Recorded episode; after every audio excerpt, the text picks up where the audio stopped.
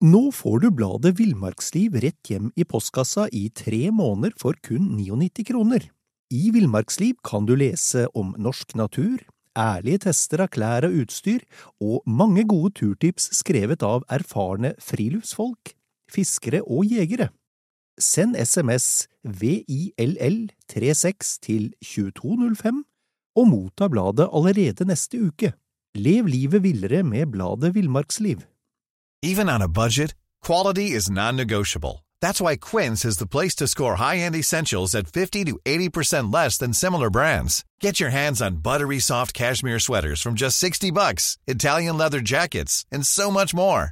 And the best part about Quince, they exclusively partner with factories committed to safe, ethical, and responsible manufacturing. Elevate your style without the elevated price tag with Quince. Go to quince.com slash upgrade for free shipping and 365-day returns.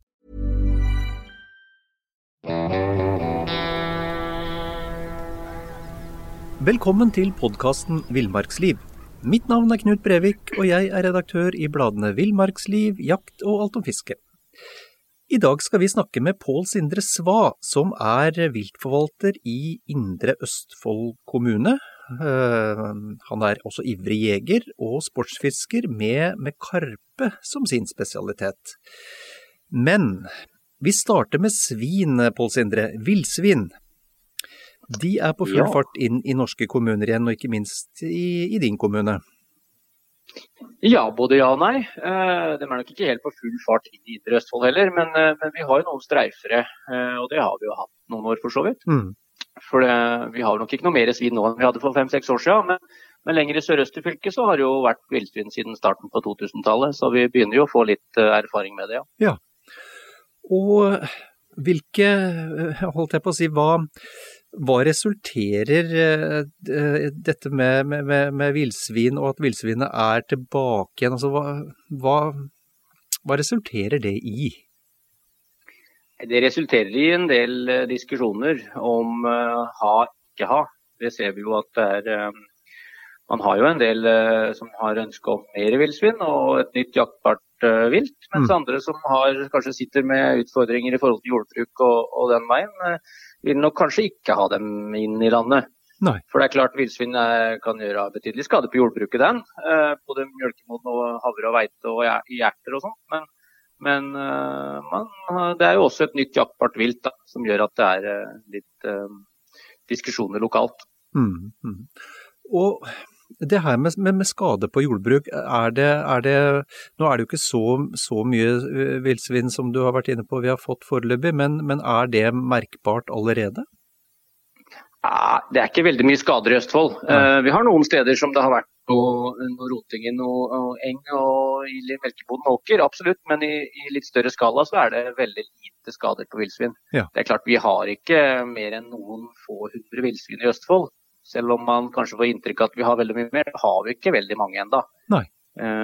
og det virker som om skadene er relativt håndterbare, fordi at man har så veldig mange jegere som ønsker å jakte. Og, og har man jegere som sitter og passer på åkra, så er det ikke så lenge de får lov å holde på før det enten smeller eller at de blir skremt av andre grunner.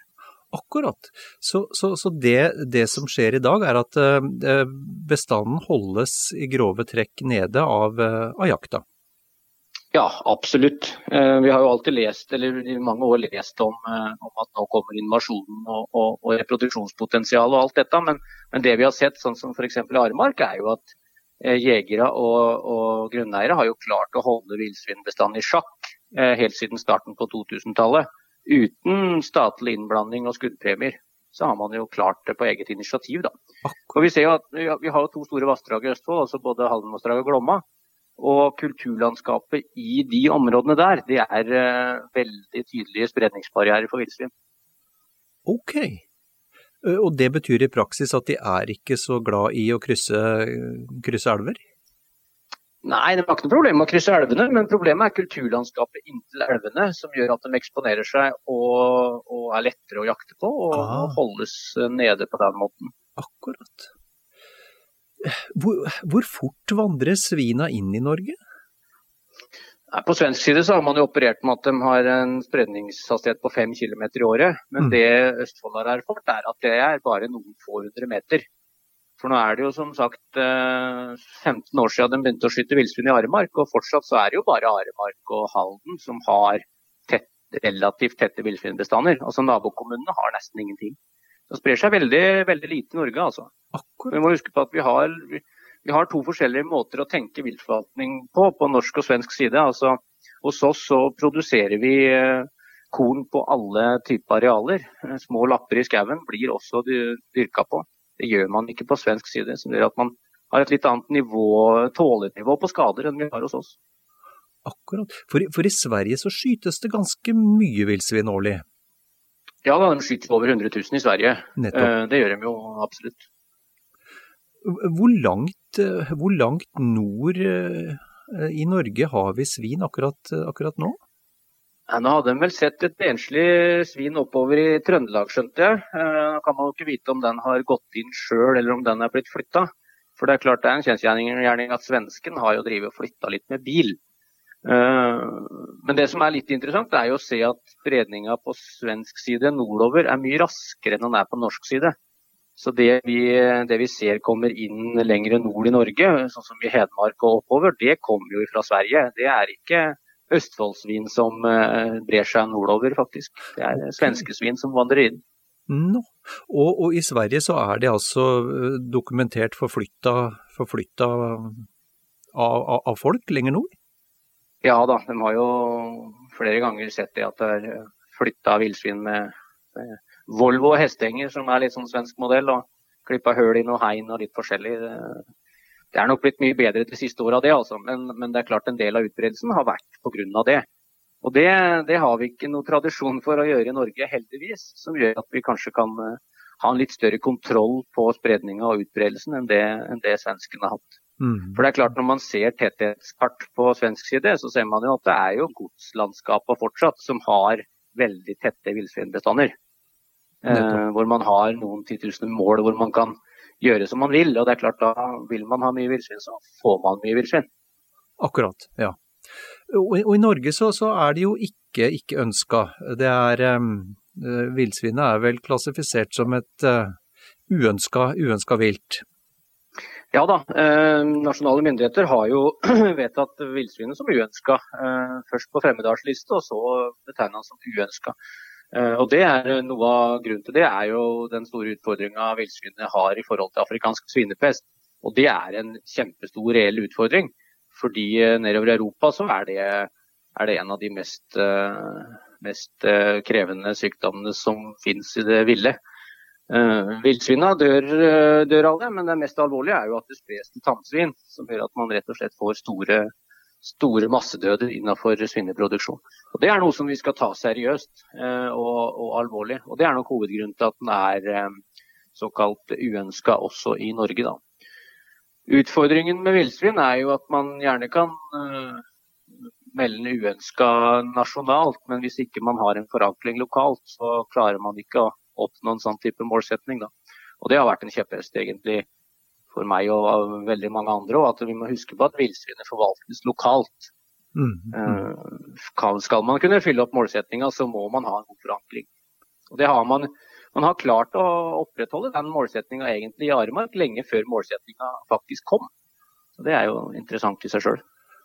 For, for, det betyr det, Pål Sindre, i praksis at du må ha både grunneiere, men også jegere med på laget? Ja, det mener jeg. Mm. Så kan man godt si det at jegeren skal jakte på grunneiers premisser, og det er for så vidt sant. Men så er det, vi ser jo det i Østfold at det er veldig kort vei da, fra, fra grunneier til han som driver jorda til jegeren. Det kan fort være samme person, eller, eller så er det familiært ofte, som gjør at det er veldig korte veier. Mm. Og da får man automatisk med seg alle sammen på én ting ofte. Mm.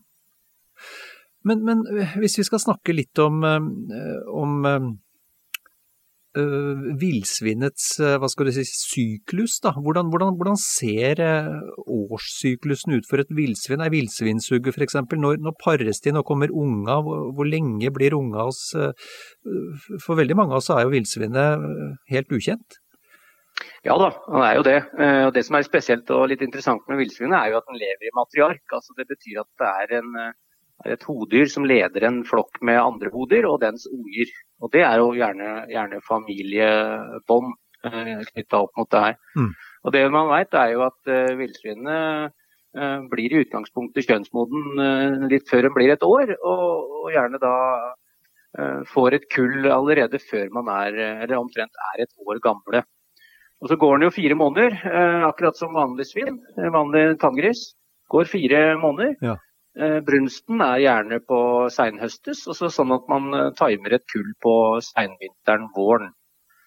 Eh, men det som er spesielt med villsvin, er jo at den kan i utgangspunktet få unger hele året. Men eh, mer enn ett kull, det, det får den ikke i området områder hos oss i hvert fall. Nei, nei. Det, for det, hvis unga dør, hvis det er en hard vinter f.eks., og unga fryser i hjel på våren, så kan man få et nytt kull etter en fire-fem måneders tid igjen. Som kanskje har vært en del av groven for myten om at villsvinet får flere kull. da. Fordi man har sett smågris egentlig hele året. Akkurat. Hvor, hvor mange unger får, får villsvinet? Nei, Fra Sverige så melder man om at det er i snitt fire til seks unger. Ja. Men vi vet jo at de kan ha oppimot åtte, ti, elleve unger eh, på det meste. Så har man jo også sett at jo eldre og større suggene er, eh, jo flere unger klarer de å fostre opp. Så det er som alle andre dyr, for så vidt. at man, Jo eldre og mer erfarne de er, jo høyere kullstørrelser har de. Mm. Og, og, akkurat når det gjelder sugge med unger, der, der ligger det, selv om, selv om, det er uønsket og det er eh, jakt året rundt, så der ligger det en begrensning. Det er ikke bare å, ikke bare nei, å skyte? Å, nei, heldigvis så er det ikke det. fordi eh, det er som du sier, altså, det er ikke så veldig mye regler for villsvin. Det er jakt i hele året. Eh, selvfølgelig utenom de fredningsperiodene påske og jul. men Ellers er det hele året, og så er det en begrensning på at man ikke skal skyte mordyret fra unga. Mm. og Det er for så vidt Eh, det hadde ikke vært nødvendig å ha en lovtekst på det, for det er standard human jakt. Men det er jo, det er jo greit å ha det. Mm. For det er noe man ikke, ikke, ønsker. Så det har vært mye prat om at hvis man gjør det, så sprer villsvinbestanden seg mye mer, og man får en høyere produksjon. Uh, og det er nok uh, litt, litt, forskjellig hva slags litteratur man leser, men det er noe, noe der også, da. Mm. For det er klart, i et matriark så er det en lederskygge som, som styrer en god del, altså. Uh, og jager bort uh, hanngrisen når det ikke er brunst og litt forskjellig. Så det er litt, litt spesielt dyr som ikke vi er vant med å, å håndtere. Da. Ja. Så, så, så, det man er redd for, nå, nå, er det jo som du sier, det er jo en god, det er god jegerskikk, og, og, det er jo ingen som ønsker å skyte, skyte mora fra avkommet. Men, men, eh, hvis noen skulle være så, så uheldig, så er frykten altså at man nærmest sprenger den, den flokken, da? Ja, og det man har sett er jo at eh, hvis man skyter bort uh, mora, uh, så kan disse unga opptre som uh, skikkelige pøbler i jordbrukslandskapet etterpå. Ah. Fordi siden villsvinet er, er, så forsiktig og sky, så, så, kan man bruke en del forstyrrelser for å, for å styre dem vekk fra områder. Men den forstyrrelsen er jo mora som lærer, så hvis man fjerner den mora, da kan man oppnå sånne pøbel, pøbelgris, da, som svenskene ofte opererer med. Akkurat, som rett og slett ikke er mulig å hva skal man si, rettlede? Ja, som rett og slett ikke Ja, som er vanskelig å lære opp. Mm. Eh, når man ikke har noen noe voksne med erfaring som kan lære opp den. Ja, Spennende. Du, et uh, muligvis et litt naivt spørsmål, men uh, i og med at de færreste av oss har noe forhold til villsvin, så må jeg spørre. Er villsvinet farlig? Et friskt villsvin er ikke farlig. Eh, det er veldig mange som, som, tenker at det er farlig, fordi man ser bilder av store råner med svære tenner. Ja. Og Det er klart, eh, det er jo potensielt eh, skumle. Men så lenge de ikke er skadeskutt eller påkjørt eller skada på en annen måte, så er ikke villsvin farlig. Det er ikke noe farlig å gå tur i skogen selv om man har villsvin. Fordi man, De er så sky, så de holder seg unna. Men det er klart, når man snakker om farlig villsvin, så er det skadeskutt eller påkjørt. Da. Mm. Det leder man jo over litt i den behovet for for gode ettersøksekvipasjer og, og, og, eksperter på det, det. det. er jo et tema i seg sjøl, egentlig. Ettersøk på villsvin. Ja, er det, hvordan er det i dag? Er det noen som, som er eh, spesielt gode på det nede, nede, hos dere? Ja da, vi har et par-tre stykker som eh, er, eh, som er, dyktige. Og kanskje spesielt én som er veldig, veldig dyktig. Og har mye erfaring fra Sverige. Men vi mangler, vi skulle gjerne hatt noen flere. For det er som en som en eldre norsk jegermester, som vi begge kjenner, ofte pleier å si. Altså, ettersøk etter villsvin med crocs og dags i snelle, det er liksom ikke helt ideelt. Eh, litt fritt etter eget hode, men det er, jo, det er jo, Han har et kjempepoeng. fordi at eh, Vi har jo sett en del rare ettersøk med, med, med en dags eh, som er vant med å gå på rådyr og kanskje elg, som blir døtta inn i et eller annet uh, tett granfelt. og Det er ikke noe ideelt hvis det er en 70-80 kilos sinna råna i andre enden. Altså. Nei. Så jeg er veldig tilhenger av det med proffe ettersøksfolk, spesielt når det gjelder villsvin, men også på en del andre, andre arter. Mm. Men, men, la oss ta villsvinet og ettersøket der. Hva er det som, uh, hvordan, uh, hvordan, skiller det seg fra, fra ettersøk på vanlig hjortevilt, og, og, hvilke krav er det du mener man bør stille til, til en mer spesialisert ettersøksekvipasje på villsvin? Det som er utfordringen er jo at villsvinet er et av de få artene som kan ta igjen. Eh, I hvert fall når det er skada. Mm. Eh, så man må ha både en hund som veit det, at den har erfaring med at villsvinet kan være skummelt. Altså En råbukk den tar ikke igjen, men det gjør en, eh, et villsvin. Så veldig mange svenske ekvipasjer kjører jo med én sporhund og én løshund, som gjør at de går sporer et stykke innpå, så vet man man er på riktig, riktig dyre, og så slipper man en, en god løshund, og så avslutter man som, som en vanlig stålos. Og det, det, er jo det funker jo godt, ja, og vi er sikkert flere som gjør det på elg også. Men, men det er spesielt viktig på, på villsvin at man har eh, både hund og eh, mann eller dame bak som veit hva man driver med. da. Mm, mm. For det er klart En angriper kan jo fort angripe den som går etter, og ikke bare hund. og Da bør man, eh, bør man eh, kanskje være litt mer på, da. Mm, jakter du villsvin sjøl, forresten? Ja da, jeg jakter litt. Ja. Eh, mest eh, åtejakt på meg som, eh, som ikke har noe, hund til formålet. Nei, nei. Men, men, la oss snakke litt om, om, om Nei, nei før, vi, før, vi, snakker om selve jakta, eh, Pål Sindre, så, så, har jeg lyst, lyst til bare å høre med deg. Sånn, sånn ideelt sett, hvordan, hvordan, bør vi forholde oss som forvaltningsmessig til villsvinet? Altså, hva, hva, hvordan bør det legges opp? Jeg tror uh, at det bør uh, satses på at man får til lokale løsninger. Altså Man legger vekta på å skape store forvaltningsområder hvor man blir enige om en målsetting. Uh, fordi at Hvis man bare har noe sånn fra nasjonal myndighet, det har man prøvd mange andre arter før. Det fungerer ikke å tre noe nedover huet på folk. Nei. Man må få en forståelse lokalt på at sånn bør vi gjøre det. og Jeg er nok litt på vei dit med en del grunneierprosjekter og sånt, men men det er veldig viktig å legge av kluten der, altså. Eh, fordi eh, vi vet jo det at eh, mange ønsker villsvinet inn som en ny jaktparat. For det, det, er mindre elg langs grensetraktene av både kulers og ulveskyld. Mm. Som gjør at man da kanskje vil ha noe nytt å jakte på, som, som ikke er så påvirka ulv. Som elgen og kanskje rådyr og til dels hjort er. Så jeg tenker at man er nødt til å ta tak i det lokalt gå fra grasrota opp og ikke andre veien for å ta tak i det. Mm. Uh, og sånn direkte så tror jeg det er veldig lurt å holde villsvinbestanden på, på et uh, veldig lavt nivå. Fordi den afrikanske svinepesten den står og lurer uh, nede på kontinentet. Og får vi den, da har vi en stor utfordring. Og da er det en stor fordel om villsvinbestanden er lav. Nettopp. Men en sånn type nullvisjon som en del organisasjoner og myndigheter prater om, det har jeg ingen trua på. Fordi vi har så lang grense til Sverige, som da tross alt har, eh, har flere hundre tusen villsvin. Det er veldig vanskelig å si at vi ikke skal ha villsvin i Norge da. Ja, for er, det, her er det ikke sånn at du setter opp et gjerde? Nei, det er noe lengre grense og mer utfordrende enn den dansk-tyske grensa. For det var den jeg hadde litt i, litt i bakhodet. Det regner jeg med. Nå kan man jo sikkert diskutere hvor effektivt det gjerdet har vært òg, da. Når man ser jo eh, villsvinet svømmer eh, uten problemer. Uh, og det er klart uh, man svømmer lett over de grunne tysk-danske vikene. Mm. Men det er klart det er jo en begrensning på et vis, da. Det er det jo. Men det er helt urealistisk hos oss. Mm. Mm. Ok. Um, og det bringer oss litt over på, på, på jakta. Uh, hvordan, hvordan, jaktformer er det som er vanlig når det gjelder villsvin? Nei, Den norske, norske, jegeren har jo gjerne vært i Sverige og sett uh, hvordan man jakter der, eller kanskje enda lenger sørover. Og Da har det jo vært mye drivjakt, og det er mye hunder og mye folk og mye villsvin og store tog. Men sånn er ikke jakta på norsk side, i hvert fall. Uh, hos oss så har det vært uh, mest effektivt med åtejakt, vil jeg påstå. Mm. Men så er det jo mange som syns hundejakt er gøy, og det er jeg jo enig i. Som gjør at det også har vært ganske utbredt. Men det man skal tenke litt på når det gjelder villsvinet, er at hvis vi skal klare å, å forvalte det, så må vi være tydelige på at villsvinet er veldig var for forstyrrelser.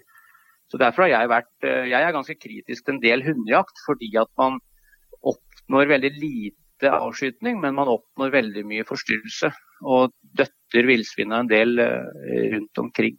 Okay. Så jeg tror vel åtejakta er eh, viktigere på villsvinet enn på alle de andre kløvviltartene vi har, for å kunne holde, holde en lav bestand. For Vi har sett det i områder jeg er kjent om at jakter man f.eks. med rådyr fra 25.9. til jul med litt elg og litt hjort eh, innblanda også, så, så har man veldig lite villsvin i den tida. Da holder de seg i områder som ikke har hundejakt, selv om det er hunder som ikke jakter eh, og jager villsvin. Okay. En, eh, en beagle som loser rådyr, den forstyrrer også villsvina, selv om man ikke direkte jager dem. Og Det er litt interessant, egentlig, for det er vi ikke vant med å tenke, i hvert fall ikke i Østfold, at jakta faktisk har en forstyrrende effekt. Vi er vant med at eh, vi kan jakte rådyr med hund eh, hver helg fram til jul, uten at vi egentlig ser noen særlige effekter på det. Mm. Men det må vi tenke litt nytt når det gjelder villsvin, eh, i hvert fall. Akkurat. Interessant. Men, men, men den, den åtejakta, det, for meg så høres det ut som det prinsipielt sett er ak drevet akkurat på samme måte som man øh, jakter rev, da? Ja, det er nesten det. Uh, forskjellen er at det krever en eh, vanvittig vedlikehold for å holde plassen i gang. Det er ikke bare, bare i anførselstegn, å kjøre ut en voksen elg eh, og legge på et åte, sånn som man gjør på reven. Nei. Eh, her må det være fulgt opp eh, ganske jevnlig med tjære og passe på at det er en liten mengde fôr hver eneste dag, og at det er stille og rolig, og at man har ting litt på stell. Og så er det jo det er jo, det er jo en begrensning nå som skiller på fòring og åte, og det er viktig at man, man faktisk har et åte da, og ikke en fòring. Og det er jo litt, eh, litt forskjellig fra, fra reven, kan du si. Mm, mhm. Ja, hva- Så er det jo mange som er, mange som er kritiske til åtejakt. Spesielt en del hundejegere sier at åtejakt det er bare tull og det er kjedelig. Men, men eh, vi må jo være åpne for at man har forskjellige syn på jakta. Og, og en god åtejakt på villsvin er eh, vanvittig spennende det. Når du hører det begynner å snøfte rundt i skogen i, i, eh, midt på natta. Det er helt stille. Det er, eh, det er noe spesielt det, altså. hva, hva slags åte er det man legger ut? Hva, Nei, I Sverige så har man oftest brukt eh, mais, men uh, pga. det regelverket Norge og lite bruk av mais, så er nok en del andre kornsorter mer aktuelt hos oss. Eh, vi sjøl bruker eh, erter og har eh, ganske god effekt på det. ja vel. Og hvor mye skal man legge ut da, sånn daglig? Nei, for Myndighetene har jo lagt inn på en forskrift som skiller åte og fòring. og Da er eh, skilnaden at eh, åting er en liten mengde mat som normalt konsumeres i løpet av et døgn. Ok. Så kan man jo diskutere det. Jeg har sjøl sett uh, to-tre villsvin som spiser ekstremt store mengder brød i løpet av en natt. Ja. Så det er jo litt sånn som uh, Ja, det er litt vanskelig, vanskelig skille der. Men det er klart, har man en fòrspreder som hiver ut en kilo eller to i døgnet, så er det innafor. Og tilstrekkelig til å få villsvinene til å komme innom og eksponere seg for skudd. Da. Akkurat. Um, bare for å ta det, selv om, eh, selv om du, du jo sier eh, dette med at, at hund eh, stresser og skremmer eh, villsvin og med andre ord ikke er så veldig effektivt. Hva, er, det, er det vanlig løshundjakt som drives når man jakter villsvin med hund, eller? Ja, I Norge så er nok den uh, elghund, uh, hjemthund, gråhund uh, og andre varianter det mest effektive. Som, uh, som støkker litt villsvin og stiller litt villsvin og litt sånn blanding. Mm. Men det er klart nedover i Sverige og sånn, så er det jo mye kortdrivere og støtende hunder som, som jager villsvina ut av, ut av såtene eller skogsområdene. Mm. Men det er klart vi har ikke de tette viltbestandene som egner seg så godt for de kortdrivende. Vi må ha noe som søker litt mer ut. Så. Og det er klart det er mange som har gode jakter i Norge òg, altså med, med løshund. Jeg skal ikke si noe galt om det, men, men som regel så har man ganske mye mer forstyrrelse enn man har eh, uttak, i hvert fall. Mm. Mm. Du, det bringer oss litt over på, på det her med, med jakt eh, natterstid, Pål Sindre. Ja. Eh, og, eh, for for, for eh, villsvinjakt er vel også noe som skjer da i, i døgnets mørke, mørke timer? Ja, i hvert fall, i hvert Ja fall den åtejakta. Ja, helt klart. Og sånn som det er nå, så er det jo blitt lov å bruke fastmontert kunstig lys, akkurat som på reven, også på villsvin. Mm. For der, Fordelen med åtejakta er jo det at man har god tid, og man kan plukke ut rett dyr, og man kan ha en sikker skudd et sikkert skudd. Mm. Men, men, klart, eh, sånn som det er blitt nå med nattoptikk, så har man enda et verktøy som gjør at man kan få enda, enda mer ut av den nattjakta som da åtejakta på villsvin eh, gjerne er. Mm. Mm. Og det er klart det er masse gode verktøy som er blitt, eh, blitt utvikla med termiske sikter og restlysforsterkere og digitale apparater og alt som er. Så, så her er det masse gode verktøy. Mm. mm. Men nå er det jo et, uh, som sikkert du uh, skulle videre inn på, er, så er det jo foreslått nå da, at nattoptikk skal bli forbudt. Punktum. Uh, og Det er en utfordring i seg sjøl. For det er klart, jakta den skal være i tråd med paragraf 19 og, og, og human og sikker utøvelse. Mm. Og Da er det litt ulogisk at man ikke skal kunne bruke de verktøyene som, som er best mulig. Mm. Så lenge det er lov å jakte om natta, så, må, så bør nattoptikk være tillatt innenfor uh, gitte rammer, i hvert fall. Mm, mm. Og, da, og, da, tenker du både på kikkertsikte og, og hånd, håndoptikk? Ja, jeg gjør egentlig det. Mm. litt utfordring at myndighetene ikke skiller håndholdt og siktemiddel. For det er klart en håndholdt enhet den er en, et kjempeverktøy også på dagtid. Uh, ved å se hva man egentlig har inni krattet foran seg, og kunne Eh, skille ting eh, med bruk av varme, for den er ikke bare til bruk i natta. Mm. Men myndighetene har altså ikke foreslått noe skille på det. Eh, nå vet jeg flere som har spilt inn det, så vi får håpe det blir noe skille der, der på det. Mm. Mm. For det er klart, på en del jaktformer, og ikke minst også etter jakta, på det med ettersøk, så er, så er håndholdte og siktemidler faktisk et kjempeverktøy som mm. bør, bør, være, bør være lovlig. da. Mm. mm. Det hadde vært eh, enkelt å skilt uh, jakt og, og, ettersøk også, som også har vært noe som mange har spilt inn, og inkludert uh, oss. At vi bør ha et sterkere skille mellom selve jakta og det ettersøksbiten. Mm. Og ikke minst også skille skadefelling fra jakt. For det, det, er egentlig forskjellige elementer i det vi driver med. Mm. Mm. Spennende. Du, bare for å snakke litt om, om, om villsvinet som, som, som, mat. Uh, ja. Hvordan, uh, hvordan, er det? Nei, villsvinet er kjempe, kjempemat. Det er helt klart. Utfordringen nå er jo at villsvin ikke kan omsettes i de samme, samme kanalene som annet hjortevilt, fordi at man har, har, kan ha trikiner, og at det ikke ligger innunder de samme løsningene som, som elghjort og, og rovdyr. Men sånn eh, matmessig så er villsvin veldig bra og attraktiv ressurs, det altså. Mm. mm.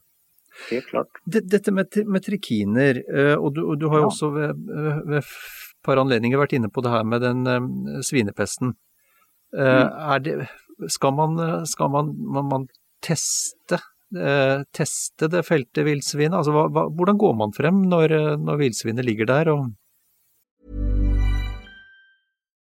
Nå får du bladet Villmarksliv rett hjem i postkassa i tre måneder for kun 99 kroner.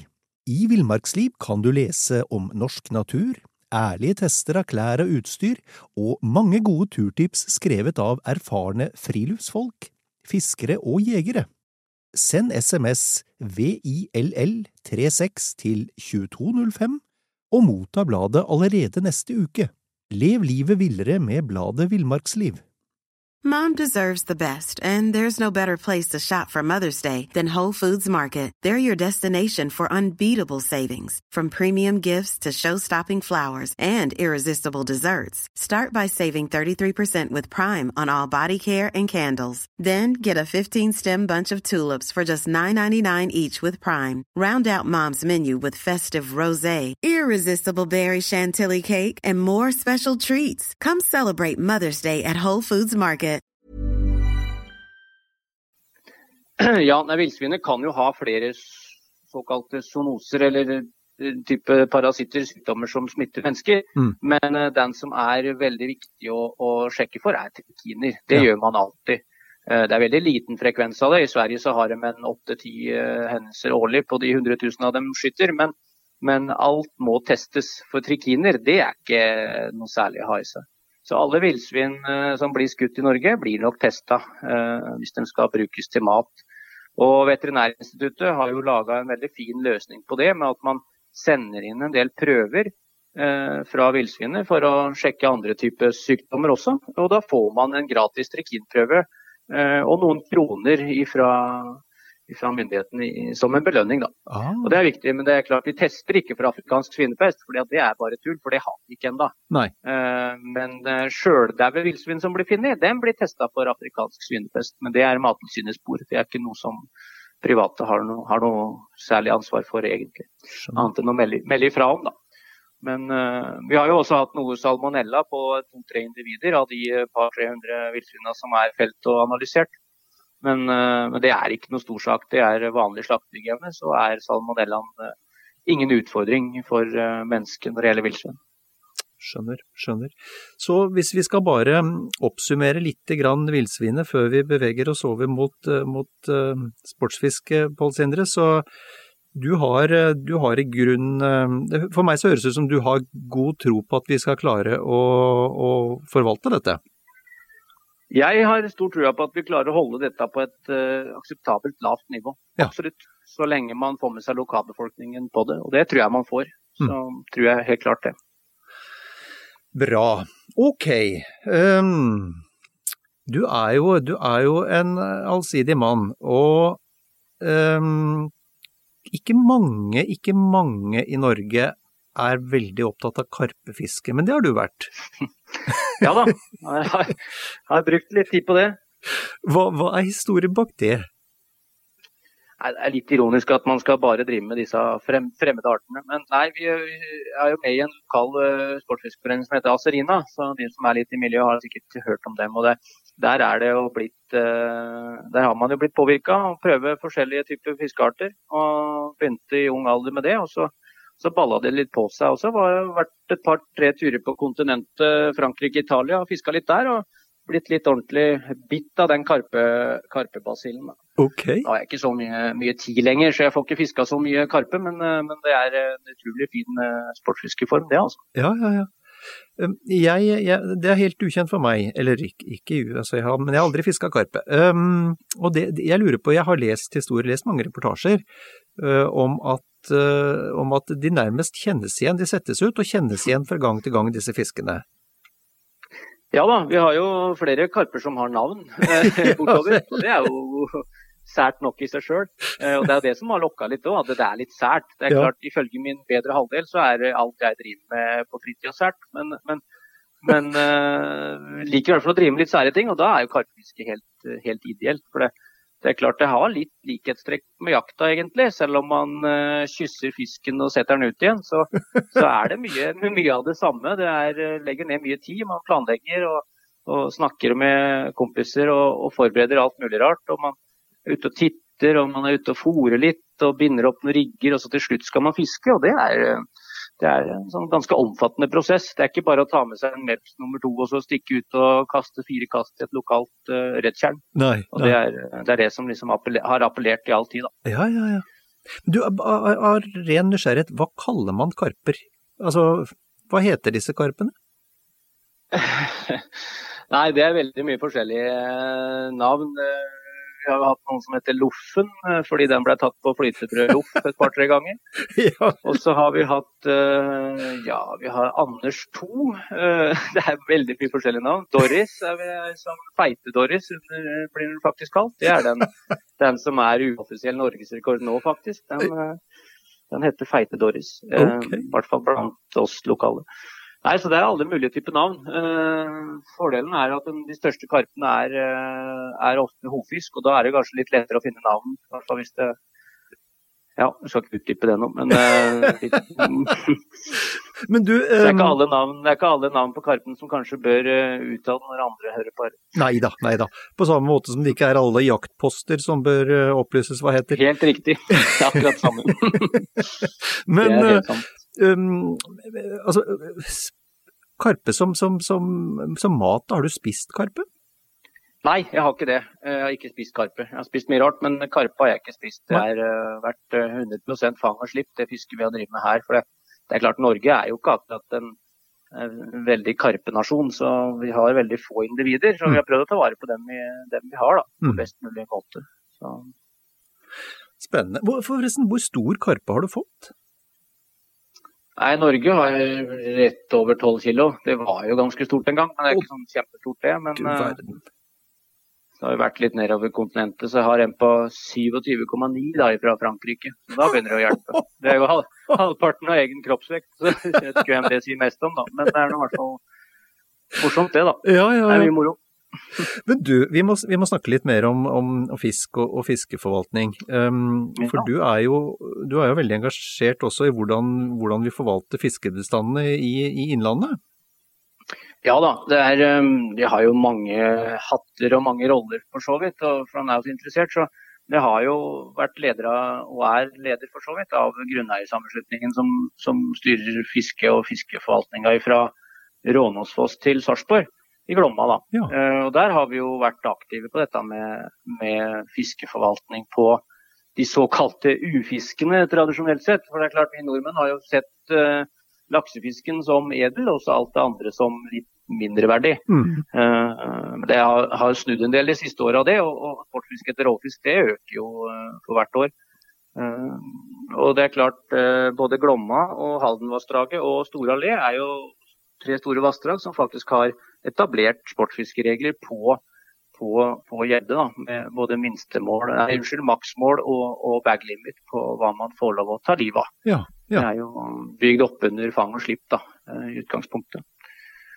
For det er, det er litt, litt sånn som vilt det også, at man bør ta vare på de store, voksne, gamle individene. Så kan man heller høste i bånd hvis man ønsker å uh, ta med seg noe abbor eller gjedde hjem. Mm. Bedre å høste i bånd enn å ta de store, store individene. Mm Men men jeg tenker på en ting, altså de utlendingene, eller de fiskeinteresserte utlendingene, de, de himler jo ofte med øya når, vi, når, de opplever vår sportsfiskekultur, for vi er jo i, i grove trekk kun som du, du har sagt, vi er interessert i ørret, laks og røye. Um, Mm. Så stopper det der.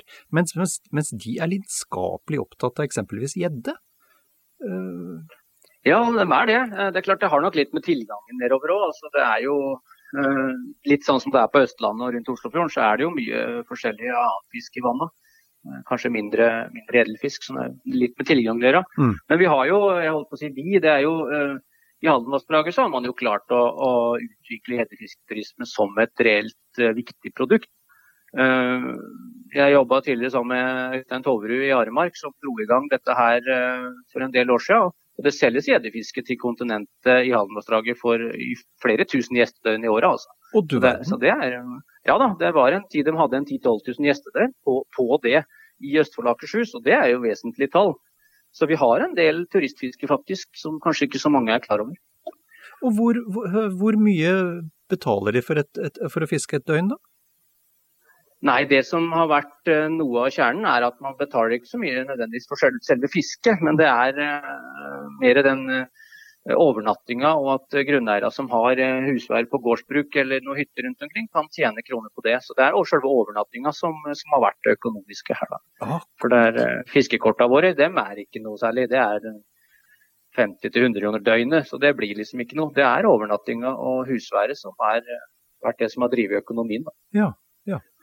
Og nå, nå i fjor og i år så blir det kanskje ikke all verden av besøk, men uh, grunnet pandemien. Men, men jeg tenker sånn, hvordan har vi utviklinga vært der, da? Um, i, i, for, utleie av uh, eksempelvis gjeddefiske uh, til utlendinger? Jeg kjenner ikke utviklinga de siste to-tre åra, men eh, fram til det så har det vært, eh, vært en økning. Eh, For så vidt. Eh, I hvert fall sånn som i Haldenvassdraget så har det vært, eh, vært det. Vi har hatt litt utfordringer i Glomma. Vi har jo et bedre fiske i Glomma når det er på topp. Men utfordringen i Glomma er at vi har flommen og vannføringa som gjør at vi kan være uheldige og ha uker som fiske er egentlig meningsløst. Og da får man lite gjenkjøp og dårlig rykte. Hvis det Ja. kommer en guttegjeng fra, Trøk, nei, fra, Trøgstad, fra Tyskland og, og skal eh, fiske gjedde ei uke i Glomma, og så er det ikke fiskbart. Det er ikke noe sånn veldig god business. Så, det, har, det har vært noe av hemmeligheten i Haldenvassdraget. Altså, det er et jevnere fiske som er mye mer forutsigbart enn det, enn det Glomma-fisket er. Da. Mhm, mhm. Bare for å spørre deg, for det, det, det, her er jo, eh, som du sier, basert på, på fang, fang, og slipp. og mm. Hva tenker du om, om diskusjonen rundt, rundt, fang og slipp, og da, da, har jeg litt i mente det at eh, så vidt jeg husker av den siste miljøbarometeret, så var vel aksepten for fang og slipp eh, synkende? Ja, det er litt i tvil om. Jeg kan si at jeg kjenner meg igjen at det er en synkende, synkende vei der. Men, men, nei, jeg tror det altså Vi er helt avhengig av å ha en form for fang og slipp for å kunne forsvare at vi fisker sånn som vi gjør. Mm. Litt sånn i forhold til at vi ikke skal høste på toppen mm. av uh, næringskjeden. Akkurat litt sånn som vi driver med på viltsida. Uh, og da får vi en stor fisk, da. Mm. Og den ikke skal tas livet av, så må den settes tilbake igjen. Men da må, kunne, da må, vi vite hva vi gjør. Og mm. hvis man da bare skal sette ut noen fisker i ny og ne, så er man veldig lite rusta på det. Og da vil det være dyrevelferdsspørsmål om det. Men hvis man gjør det på riktig måte og har treninga og, og har mye mer eh, fartstid på det, så tror jeg, tror jeg, ikke det er noe vanskelig å forsvare at vi gjør det heller. Nei. Jeg ser jo den diskusjonen da, med leke med liv og alt det der, men, men, eh, men ja. Jeg vet ikke hvor, hvor, langt han skal dra den. Nei, men, um, nei, for Et poeng her tenker jeg, det er vel også at uh, de, de, største individene uh, ikke er den beste maten heller? Nei, Det ene er jo at det ikke er den beste maten. Det andre er jo miljøgifter òg. For det, det, er jo en opphoping av miljøgifter i de store individene, spesielt på råfisksida. Og når jeg skrev hovedoppgave i Øyeren om, om asp, så, så, gjorde vi jo ganske mye om, med det der. Og da så man jo det at både på gjedde, abbor, gjørs og asp, så var det jo ganske høye kvikksølvkonsentrasjoner i de store. Og da er det ikke Det er ikke noe særlig å fòre opp uh, barn og gravide med, med fisk som har høye kvikksølvverdier. Altså. Det er det ikke. Og kan man spise småfisken da, så kan man uh, gjøre det med, med god samvittighet. Mm. Så det er, det er, et poeng i seg sjøl, det også. Og bare for å ta det, hva, er, hva er den viktigste funksjonen til de store individene, eksempelvis de store gjeddene? Nei, De store gjeddene er jo i stor grad kannibaler, mm. som gjør at de holder eh, gjeddebestanden uh, relativt i sjakk. Mm. Og, og, eh, får man for mye gjedde, så beiter det ned en del, en del annet som, som, tuller til hele økosystemet, da, kan man si. Så naturlig, et naturlig økosystem har noen store individer som holder de litt mindre individene mer i sjakk. Mm. mm. Skjønner. Ok. Um, veldig, veldig eh, spennende, Pål Sindre. Da, da, har, ehm, da, har, vi blitt litt klokere både, både når det gjelder um, villsvin og, og, eh, biologi og, og jakt og uh, fiskeforvaltning. Og ja, har jeg, noe, noe ut av det. ja, og så har, har, vi lært at det i hvert fall er, er en karpe i Norge som heter Loffen, og så er det ei som heter Feite-Doris. Ja, det er, det er den viktigste oppsummeringa. Tusen takk for en hyggelig, hyggelig prat. I like måte.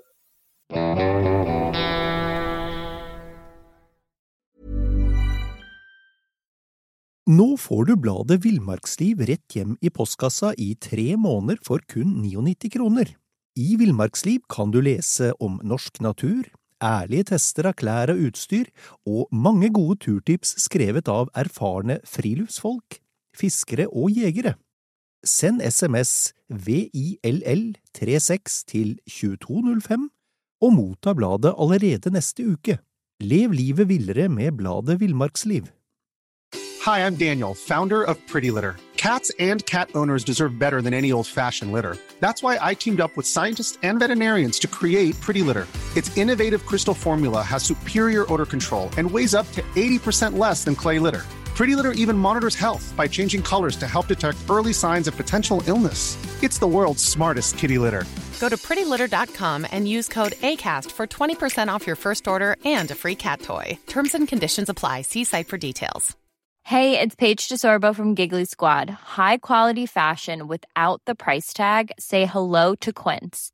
I'm snagging high end essentials like cozy cashmere sweaters, sleek leather jackets, fine jewelry, and so much more. With Quince being 50 to 80% less than similar brands And they partner with factories that prioritize safe, ethical, and responsible manufacturing. I love that. Luxury quality within reach. Go to quince.com slash style to get free shipping and 365 day returns on your next order.